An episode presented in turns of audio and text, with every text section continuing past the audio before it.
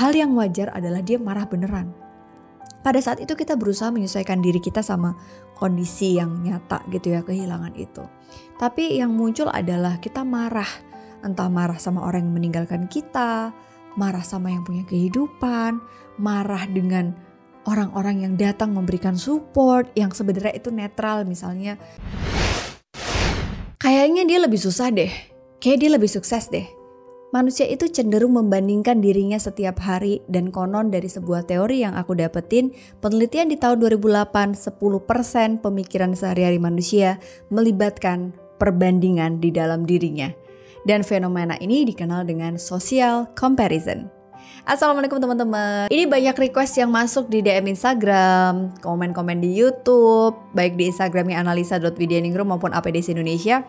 Aku tuh melihat sering banget ya kita itu semakin overthinking pada saat melihat kehidupan orang lain. Apalagi sekarang screen time makin banyak dan ini yang membuat otak manusia karena dari penelitiannya di tahun 2008 uh, eh, seorang peneliti Summerfield and Rose ini tuh kayak ternyata tuh emang manusia tuh selalu setiap hari dia membandingkan, membandingkan, membandingkan.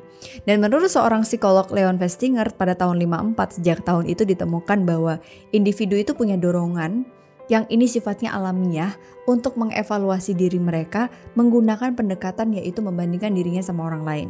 Tujuannya macam-macam. Ada yang buat naikin self esteem atau harga diri percaya dirinya. Ada yang untuk mensejahterakan dia dari rasa sedih. Nah, apalagi teman-teman, aku su uh, suka dengar gitu ya. Ini nih uh, grief comparison atau kita ngebandingin luka, kehilangan, kesedihan yang kita alami. Jadi kita ngebahas dulu tentang grieving. Grieving itu apa sih? Grieving ini tuh semacam luka yang terjadi karena sebuah duka.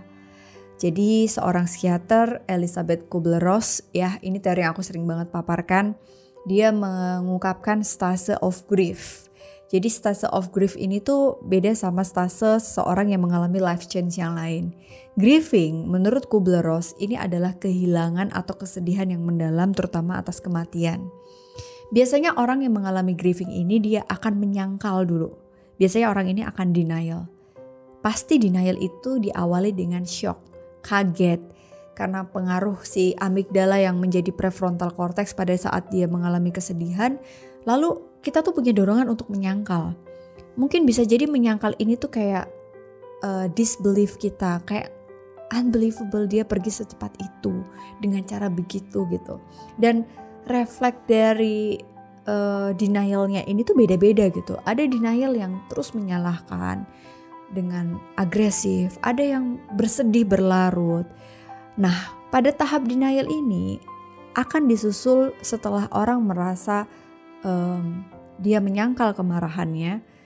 Hal yang wajar adalah dia marah beneran pada saat itu kita berusaha menyesuaikan diri kita sama kondisi yang nyata gitu ya kehilangan itu. Tapi yang muncul adalah kita marah, entah marah sama orang yang meninggalkan kita, marah sama yang punya kehidupan, marah dengan orang-orang yang datang memberikan support yang sebenarnya itu netral misalnya kayak pada saat kita menguatkan dengan ucapan innalillahi wa inna gitu ya. Ya aku pernah menemukan uh, kondisi di mana teman aku kehilangan pasangannya pada saat itu aku mengungkapkan innalillahi wa innalillahi dia marah. Enggak suami aku tuh bakalan hidup lagi gitu. Jadi refleks marahnya itu adalah pada saat dia tidak mau meyakini kebenaran tentang kehilangan itu.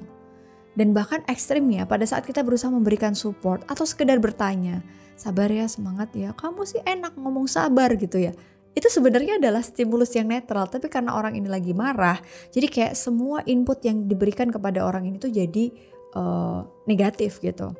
Nah lalu pada saat itu kita akan mulai melakukan fase berikutnya menurut Kubler-Ross adalah fase beginning. Putus asa atau perasaan sedih ini adalah dua perasaan yang selalu berhadapan ya. Kadang-kadang ada duka yang mendalam karena rasa sakit itu muncul, tapi kadang-kadang ada satu hal yang kita berusaha mencari pembenaran. Gak apa-apalah, gak apa-apalah. Atau justru malah kita cari ini, what if kalau saja andaikan aku tuh punya banyak waktu sama dia, andaikan aku tuh gak ke dokter cepet-cepet atau andaikan aku ke dokter, andaikan saat itu aku nggak mengizinkan pasanganku untuk berangkat kerja. Jadi kayak berandai-andai gitu.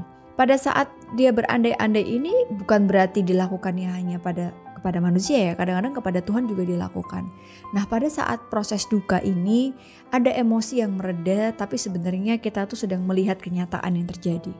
Pada saat kita betul-betul dihadapkan pada kondisi nyata kita kehilangan orang ini. Mungkin pada saat ini dikatakan sebagai tahapan kita lagi depresi.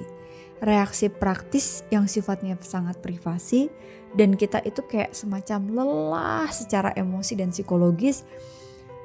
Ada keinginan untuk emotional distancing atau menjaga jarak dengan orang lain, nggak mau ditemui, bahkan kita kayak nggak berdaya, nggak mau melanjutkan hidup, kita enggan melihat media-media yang muncul, media sosial, dan sampai ini butuh waktu untuk kita bisa accept, menerima. Aku yakin banget menerima ini tuh bukan hal yang benar-benar mengatakan bahwa kita sudah bahagia atas kehilangan itu. Katanya pada saat kita menerima duka, kehilangan itu akan selalu ada, bahkan seumur hidup kita. Karena pada tahap menerima, kita sedang berusaha menerima kenyataan. Kita berusaha untuk ikhlas. Apakah ini pilihan yang terbaik menurut Allah untuk aku? Apakah orang yang aku cintai ini memang harus pergi? Tapi ada satu momen di mana kita punya purpose, punya value, punya tujuan. It's okay kalau lagi nggak baik-baik saja. It's okay kalau kita terpuruk dalam duka tapi berjalan, melangkah adalah satu pilihan yang pasti di depan mata. Jadi untuk semuanya saya ngerasa ini pelajaran buat kita semuanya bagaimana kita mampu berempati, memikirkan lagi apa yang hendak kita tulis, apa yang hendak kita ucapkan pada saat kita bertemu dengan orang-orang yang sedang melalui grief uh, atau duka atau kehilangan mendalam ini. Jangan sampai ketidakcerdasan emosi kita melukai orang lain yang sedang dalam duka dan menjadi masalah atau malah petaka. Ini peringatan buat kita semua ya teman-teman. Jangan pernah membandingkan grief kita sama orang lain. Grief itu tuh pasti selalu ada dan itu important dalam hidup kita. Belum tentu kita menganggap itu adalah hal sepele untuk orang lain, tapi adalah satu hal besar dalam kehilangannya. Dan gak pernah bisa sama menurut kita kehilangan sosok yang disayangi dalam hidup tuh biasa aja, belum tentu menurut orang lain itu sama. Nah, comparison ini akan membuat kita lebih bahagia dan membuat kita jadi ngerasa lebih menemukan lagi makna hidup kita, melibatkan lagi emosi kita secara utuh dan artinya teman-teman kembali sehat secara mental. Oke itu aja teman-teman untuk episode kali ini uh, singkat tapi aku pengen message ini mendalam baik untuk para keluarga yang ditinggalkan maupun seluruh warga netizen 62 Tolong kita gunakan kecerdasan emosi kita terutama dalam menggunakan media sosial karena setiap katamu akan menjadi makna dan akan terrecord semua jejak digitalmu. Pertimbangkan karena manusia ada perasaan di balik sebuah akun yang beredar. Terima kasih banyak semuanya. Assalamualaikum warahmatullahi wabarakatuh.